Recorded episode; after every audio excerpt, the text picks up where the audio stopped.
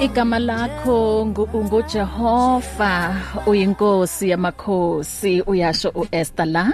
Eh isikhathi sithi 22 after 4 o'clock siya singena kwi discussion kanye nomfundisi umudise Moloyi. Muruti Dumela. Dumela ka ngwanesu Kiya leboga ukuthi namhlanje la e studio asikhulumi uh, on the phone. Yes yeah, I'm happy to be here today. Umo kana mali Ke mo bona kana mali mali kana mali mali Yeah Hey Muruti last week thank you so much hore o re rute ka go to go go go ba le di goals Yes. na re bua ka di goals a ke re Yeah. last week goals le di plans Yes. and then kuya kwaba Yes. khona umlaleli o- oyedwa um uye Yeah. wathumela um, i- umbuzo Yes. and then sathembisa ukuthi this week before sizongena endabeni yethu sizoqala ngayo and then simphendule asithembe ukuthi la ekhona eh ulalele Uh, but i believe ukuthi ulalele ngoba Yeah no no no. Yeah. If if you ask a question you must wait for next week and uto uto kwa the answer to the question yes yes Yes. yes mfundisi usayiphetha ngithi question yakhe umama Yes ingisayiphethe uh, Yeah. I just want to see if I Ilahlekile. places the rest I would be like to be direct uh uyifunde the way ayibhale ngakhona kungabi into ukuthi Yeah. thina siyayicabangela yona You know, so that Okay. we, we answer exactly what has been asked. Perhaps I would like to uh, redirect my goal Mm-hmm. throughout the year. How can I go about doing this? yes yes So it's it's it's quite very interesting uh, Mm. that. Um, in fact, before I go there, let me go. And I want to greet my boy and my and my girl. um, how about you? How are you doing there?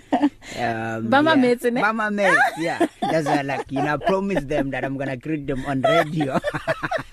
so mohau mohau ke mohau le mabatho how them about. Yeah. mohau le mabatho hi hi hi auntie bahle are hi Yeah. yes, and I also greet my wife. Thank you so Yes. much um, uh, for everything that you do for us as a family. I really appreciate. eh ya me mamudisi Yeah, yeah, is my mama. Yeah. I, I really re ko appreciate- bolelletse gore ke na le problem ya Yeah, go Mudise le Mudise le, le Moloi is they are both surnames. yes Yeah. so they are confused oh I know. memoloi ke Yes, memoloi ke Memoloi. Yeah. okay mruti Yes, so i i directly answering the question is about mm. redirecting my goal throughout the year. Yeah One of the things that I uh, spoke about is the issue of reflection. It's about reviewing your goal throughout the year. And it's not only just throughout the year, is that the goals must be, your goals must either be short term, long term, medium term, and long term. So for you to know how far you are, you must monitor your goals to say, how am I doing? Probably on a weekly basis, or monthly basis or quarterly basis. Most of the time people they set goals and they only look at them at the end of the year and later they realize like I have not achieved what I said I wanted to achieve. For every goal, you must have specific actions. Remember the goal is not rigid. The goal can be adjusted, can be adapted based on the environment, based on the challenges, based on things that are coming throughout the year. You are free to adjust and adapt the goal as long as you are aware and are conscious and are intentional about why are you adapting or adjusting the goal. Adjusting the goal, it is not uh, similar or the same as procrastination, which which is what we're going to be addressing today, is because you realize that something has come up, therefore let me adapt. How it is, there's nothing more practical than you taking an intentional decision to review your goal and you put a different action but you therefore know that um this is what I'm actually aiming to basically achieve in everything that I do. So you just you need to know that you are free to review revise and reflect uh adapt and adjust your goal throughout the year. Asithembe em awusikiya mo monaiwa ya uyena Yes. bekathumele lo mbuzo. Eh a- kiyathepa hore mo uleng umametsi and uyitholile nempendulo yakho. So siyaqhubeka mfundisi neyanamuhla ingxoxo eh sibuka i- i- costs and pain of procrastination. Yes. Yeah so uh, you know uh, I must uh, share with the with the listeners.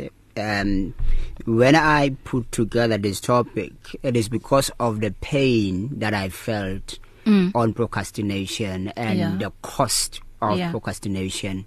Um, I must be honest with you that um, I don't think uh, any of us might reach a state of perfection mm. in acting immediately on the things that they have to be doing. Yeah. So it is something that we always have to be conscious of mm. uh, that we need to be aware that we should not procrastinate in everything that we then get to do. Sometimes you are good and you are able to act over a particular period of time but at a particular point in time you lose that traction mm. in terms of uh, being someone who acts and you realize when something happens like yo in this particular matter i have procrastinated mm, mm. and remember in terms of your goals you'll then have uh, family financial uh, health uh, fitness mental wellness and other goals that you basically have mm. you find that on the other categories you are doing well in mm. terms of really acting on on all those but there's this area that you are not doing so well on mm. it to probably you procrastinate saying it is about personal empowerment you don't read as you wanted to read you always put off some of the things that you have to do mm. so i want us to really be aware that um it does happen in one way or the other but we should be alert we should be aware mm. we should be intentional in dealing with procrastination yeah. it is not a once off work yeah. it is a continuous work because your life is in motion there are many things that happen the reason mm. we procrastinate i will go to define and go through um the definition the definition and take you through the causes mm. and then take you through the pain and the cost mm. and lastly we will talk about what to do or how to deal with procrastination.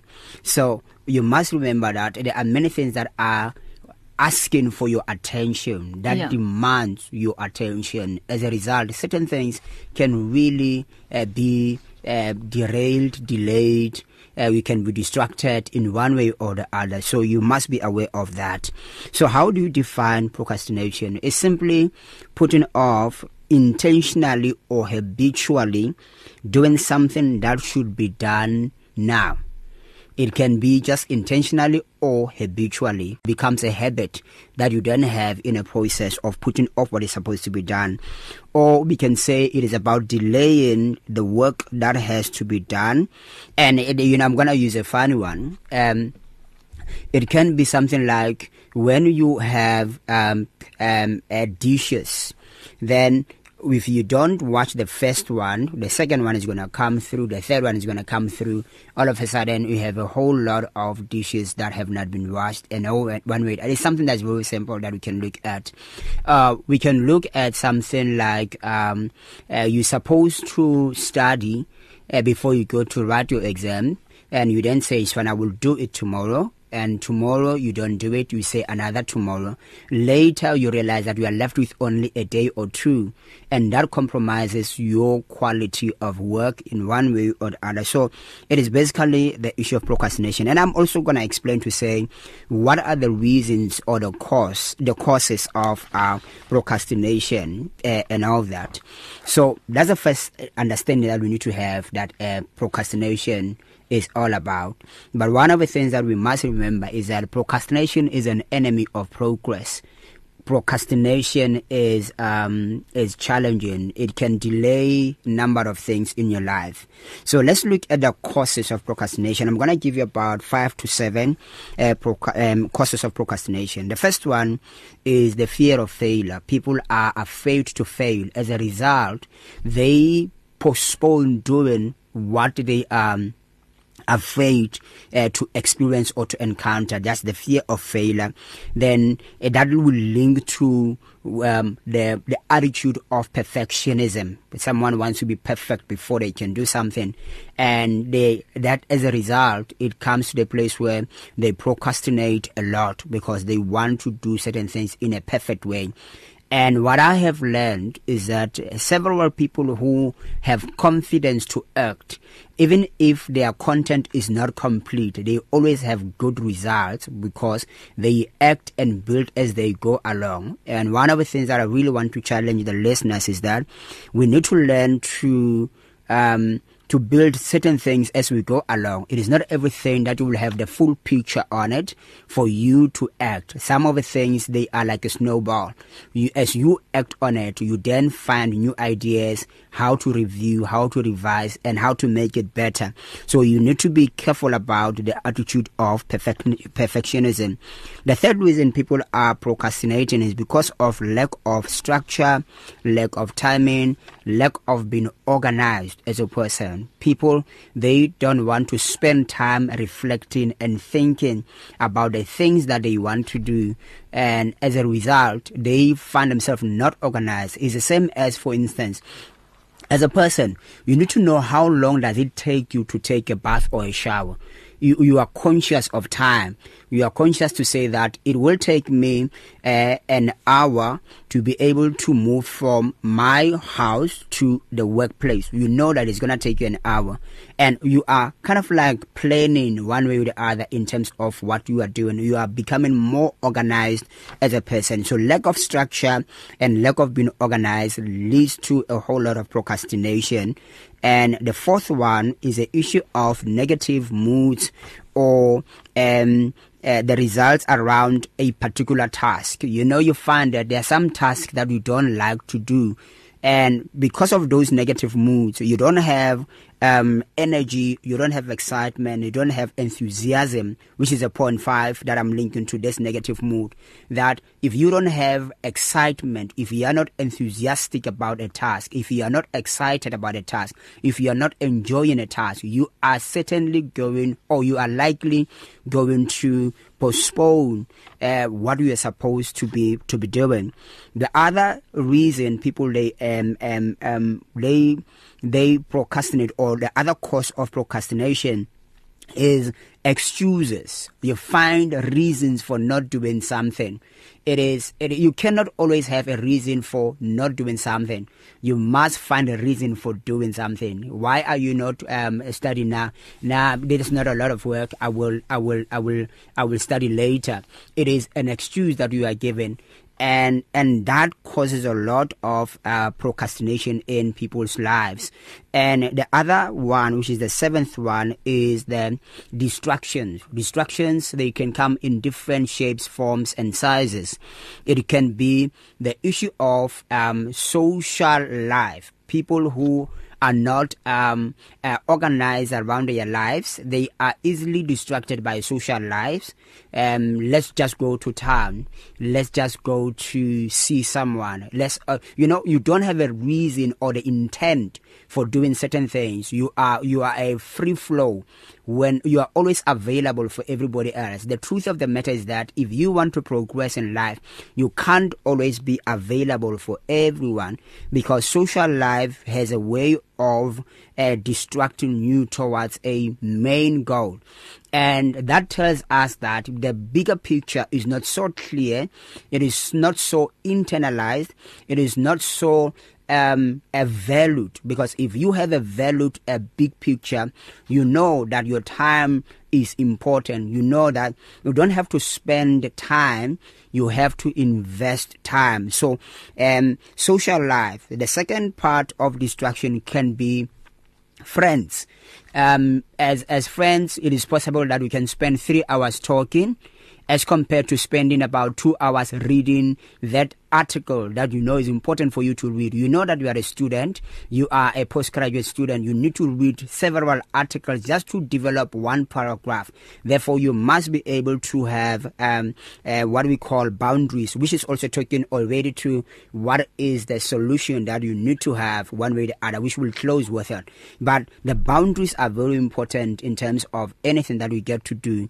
Um, the other thing that is uh, that is distracting people is uh, um, the the fun part. Um, you know, your Netflix, uh, you watch a series, and a series takes about three four hours, one episode after another and by the time you realize we have spent about 3 to 4 hours watching uh, watching a particular series but you were supposed to probably read an article you were supposed to read a book you were supposed to write the proposal you were supposed to update your CV you were supposed to update your profile you were supposed to um they're supposed to apply for that job. You are supposed to do something that is quite very important. So that's one of the reasons that you find that people are distracted. The other reason people are distracted is because of social media. Social media we're talking about Facebook we're talking about uh, WhatsApp we're talking about uh, Twitter we're talking about um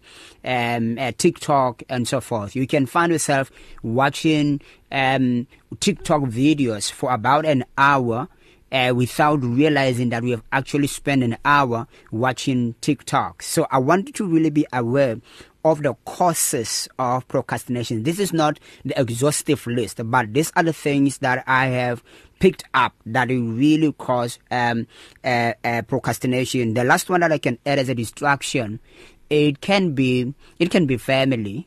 Um, if we not be if we are not able to um indicate to say like at this time I'm actually focusing on prayer I'm focusing on reading the word I'm focusing on uh, writing this I'm focusing on that or creating a time whereby as a, as a family we know. Uh, for instance I do know that um if I would spend uh, when I spend time with my family in the afternoons and so forth by the time they go to bed early hours of the morning I wake up and I am able to focus on the things that I want to focus on. So you should be able to balance in that so that you don't find yourself uh, starving your family attention starving them fellowship starving them um uh, being present in their lives because of the things that we get to do. Because the the first uh group of people that get to be affected that get to be compromised become your family while you have actually spent much time with everybody else outside the family. These ones they get to feel the pain.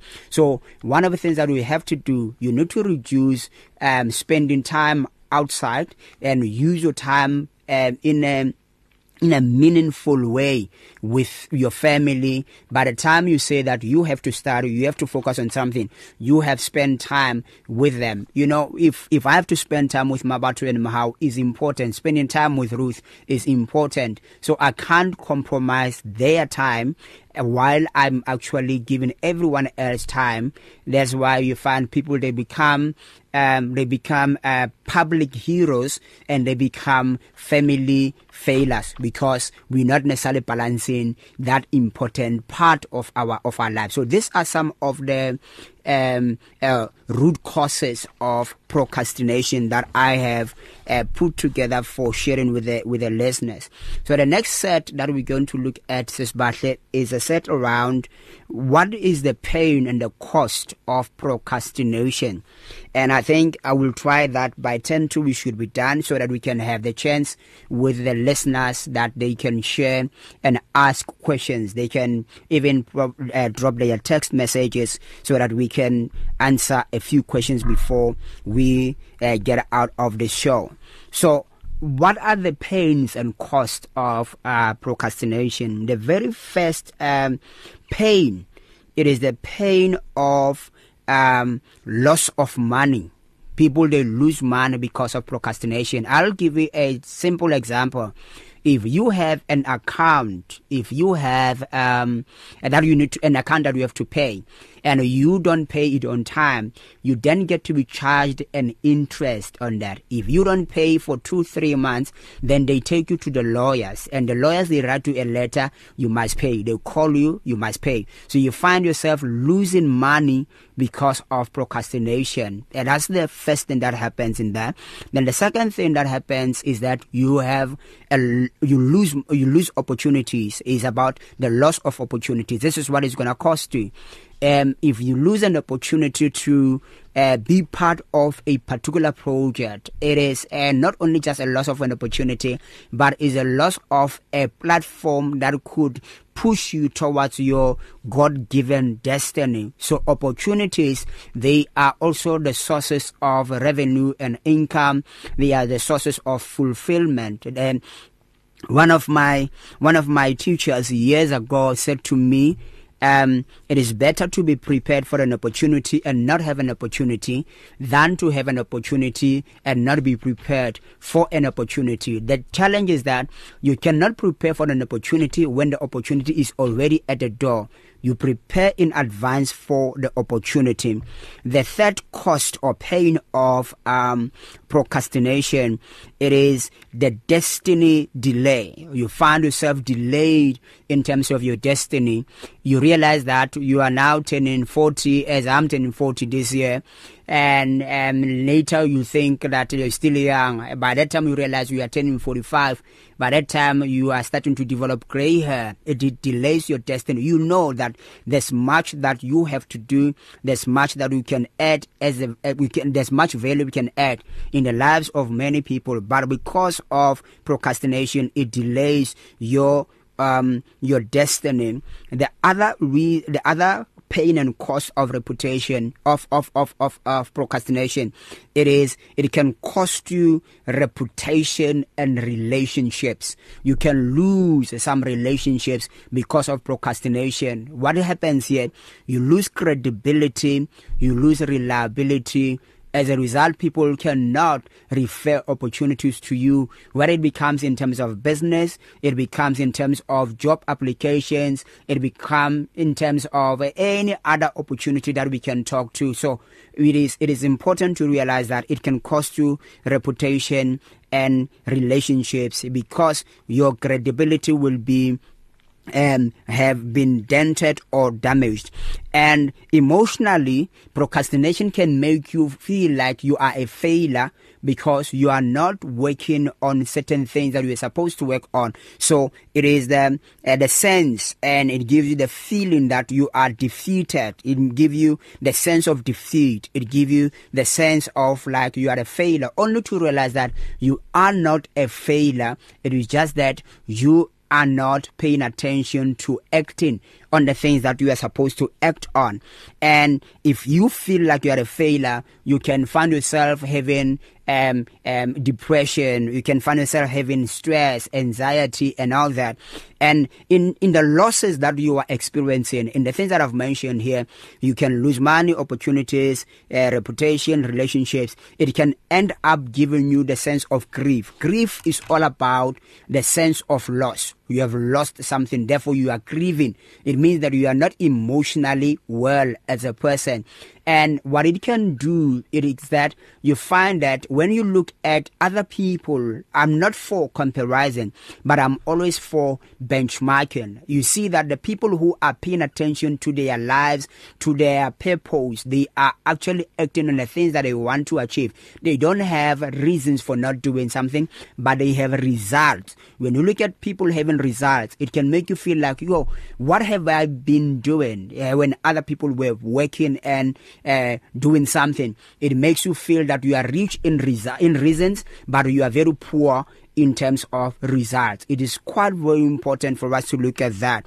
And probably if i may throw a very interesting one in terms of the the causes. It just coming back to my mind now is the issue of laziness. We should also be able to confront it that at times the the root cause of uh, procrastination is laziness. If we're not going to confront it there are verses that talks to that that laziness can lead to poverty. Maybe sometime you know uh, we should look at to say what is the impact of laziness in your life. You can read the scriptures and check the book of proverbs. It has several verses that are talking about um laziness. One of the things it can do it can actually bring in poverty. So this is this is what we're talking about about the pain and the cost of procrastination. So in closing asbahle so that we give the listeners a space to ask one or two questions.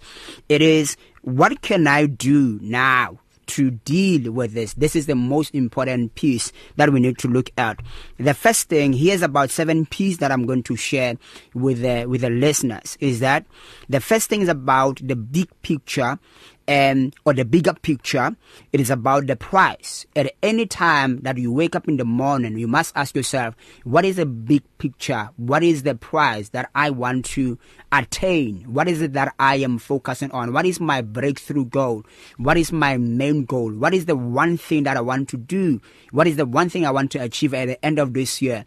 At the end of next 5 years? What is that one thing that I want to focus on? So if you have clarity about the bigger picture and the bigger picture must have meaning in your life. If it doesn't have meaning, you will not be able to focus. So make sure that we have clarity in terms of that.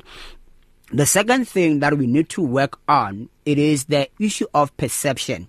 Perception is about our thinking. Um, if the perception is not right, I promise you, you can do any external work, but that external work will not bring the results that you are looking for. It is about perception. You must change your thinking as a um, um, um you know I think it's Romans 12 that talks about be transformed by the renewal of your mind. Your mind is very important in terms of um whatever that you want to do. And the um, um proverbs it then talks to say as a man thinketh in his heart so is he. Your perception about yourself is important because it can make you grow or it can make you not to grow or it can make you become stagnant. Number 3, it's about developing a priority list. You must have priorities. Even in terms of relationships, you must have priority relationships. And I want to challenge you as a listener between um, now and the end of January, can you do what we call a relationship audit? Audit your relationships. It is not like you cannot have time for everybody else. You must have time for um, um, uh, certain people and not necessarily have time for some people. Let's be honest with each other. You will not be able to reach out to every individual. If you were to do that, you will not even have time to eat because the truth of the matter is that as a human being, you are limited by time and space. So priorities in terms of actions, priorities in terms of relationships. That is very important. Number four, you must um, plan you must have a plan for everything that you get to do. And not only have a plan but you must have an attitude of acting now. What has to be done now let it be done now. Have a structure in your life. Have the action habit. What is it that i have done today? Reflect. What is it that i was supposed to do that i did not do today? That is point number 4 number 5 is about partnering. Partnering with people. You can partner with people who are better at doing certain things than you. Don't find yourself struggling to do something for five, six hours when there is someone who is more skilled and who has an expertise to do that thing within 30 minutes. You can partner if you are able to even outsource certain things that you're not necessarily skilled in those areas it buys you time so that you can focus on the important thing in your life. And the other piece that we can do have an accountability partner in a form of a coach in a form of a mentor in a form of a therapist. This is very important that you need to be able to talk to someone else. At times people are finding themselves that they are they are not um they have they are struggling with anxiety grief and all that but they have not seen therapists. There's nothing wrong with going for a counseling session. Counseling sessions are quite important for believers. You got to pray. I understand there's a place for prayer. There's also a place for you to see someone that we can talk to. In the multitude of counselors, the scripture says there is safety. In the multitude, multitude of counselors, there's safety. So go and seek and look for, for counseling. Number six, it is about uh, preparation preparation it means that you become intentional with the things that you have to do if you are not intentional you will always procrastinate most of the time the last one is about pleasure what do i mean here it is that in everything that you do you must find something to enjoy about your tasks something to enjoy about the actions that you have to do. You must find something to celebrate your progress. Don't wait for the product.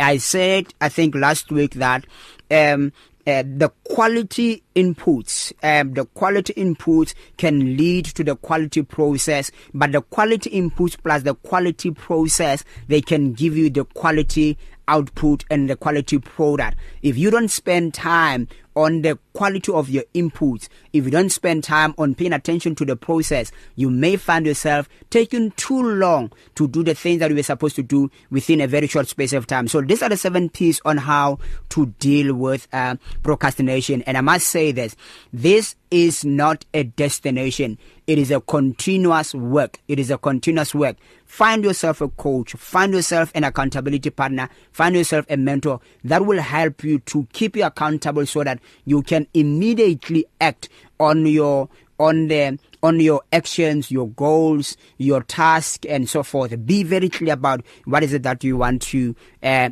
act on. And break those work uh, break break those tasks into simple tasks into smaller tasks so that you are able to accomplish something. So those are the seven things that i think can be helpful to our listeners on how to deal with procrastination continuously at all times.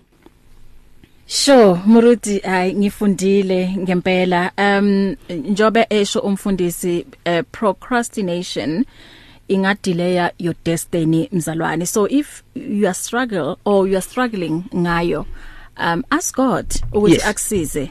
Bazalwane uNkulunkulu usibeke la emhlabeni to do something ingakho asinikeze a spirit of power so unawo amandla ukuthi ungadila nayo um lokugula ukugula mfundisi Yeah. yeah i procrastination ukugula impela It ngoba- is, it yeah, is, and it is. I believe ukuthi um eh, naloyo okuthi he, he is our enemy uyayisebenzisa kubantu ngoba Absolutely. uyazi ukuthi umuntu mangaba on track ngaso sonke isikhathi mm. uzoba nayo impumelelo so usebenzisa iprocrastination ukuthi umuntu ahlezi frustrated because uh, how how procrastinator udula uli frustrated you know gore o- o- o- ke eng e tshwantseng o yetse but Yeah. go be le ntho e leng hore ya o delaya and at the, at the end of the day o ba frustrated. It does. gore maobane ke ke ntse so le so bona hona nong ke boetse ko morao. Yes. there is why batho ba ngata ko meberekong o kre motare ish what's king mereko ka o o- o piled up. Yeah.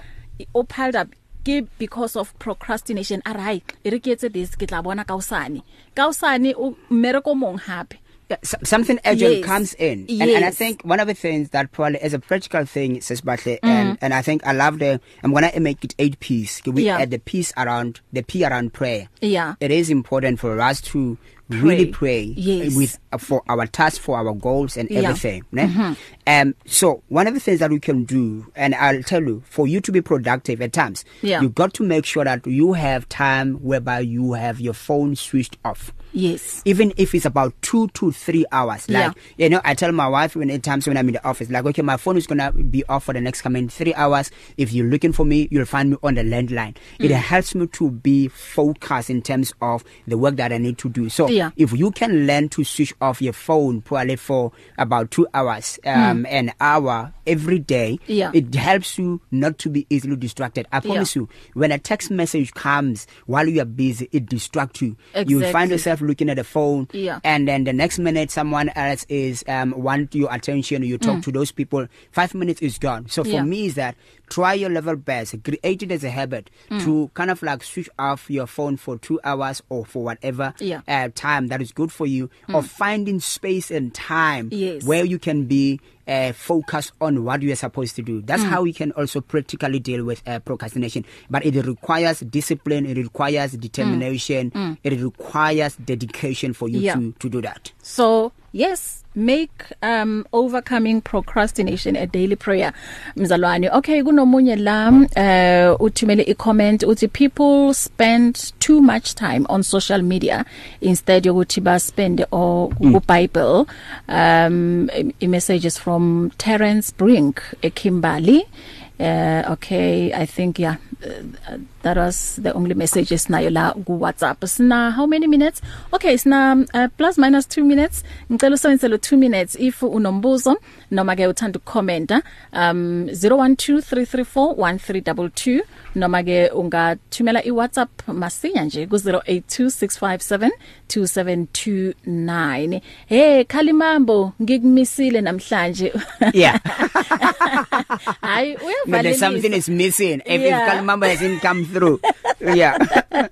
yeah uthi usemsebenzini namhlanje hayi siya understand akhalimamba kodwa ke eng- engaziyo ukuthi eng- engikwaziyo ukuthi always unathi whether usemsebenzini noma ukuphi um muruti asivale kule minute esele uh, your, your last word So for me, I want to say to listeners mm. is that um, procrastination, don't treat it as something that is your friend.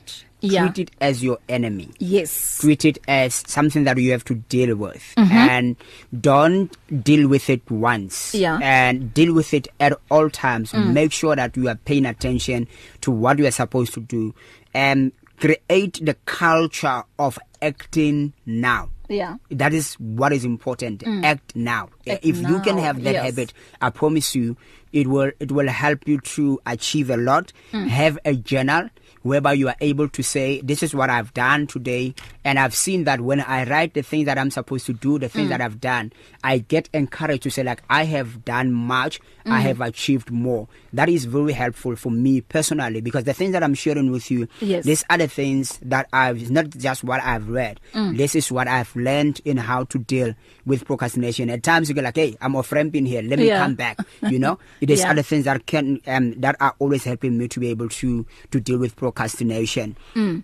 yeah thank so, you um so muruti watholakala how siyo momoyeng Yes. Mm. Um you can find me on 0739131351 on social media you can find me on Instagram, Twitter and um and Facebook on my name uh, my account is Mudisemulo in the Yeah. in the three um social media spaces Yeah. I'm looking forward to engage with you and let's see how we can support you in terms of you achieving your goals this mm. is a very good time Yes. to find yourself Yes. a mentor and find yourself a coach Yeah. then have a plan have a path that you can be able to work on something have an accountability mm. partner that will help you so I'll be available to assist you in the process God bless you thank you so much Sisbahle for Amen. having me on the show God bless mm. you Uh uMrs Sajeni uthi thanks family just tuned in but 7 points taken. Thank you.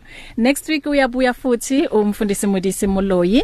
Eh yeah sithole futhi na next week 4 until 5 yeah isikhathi sethu leso.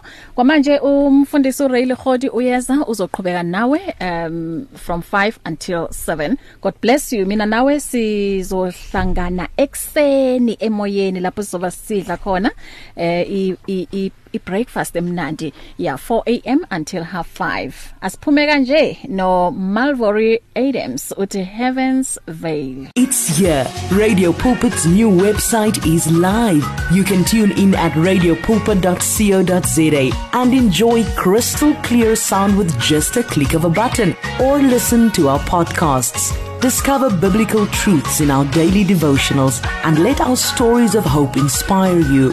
You can download our app on this new look, easy to use platform.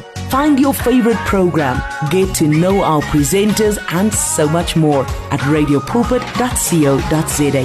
Radio Pulpit, your daily companion. Give your faith wings. Explore life with 657 AM. 657 AM.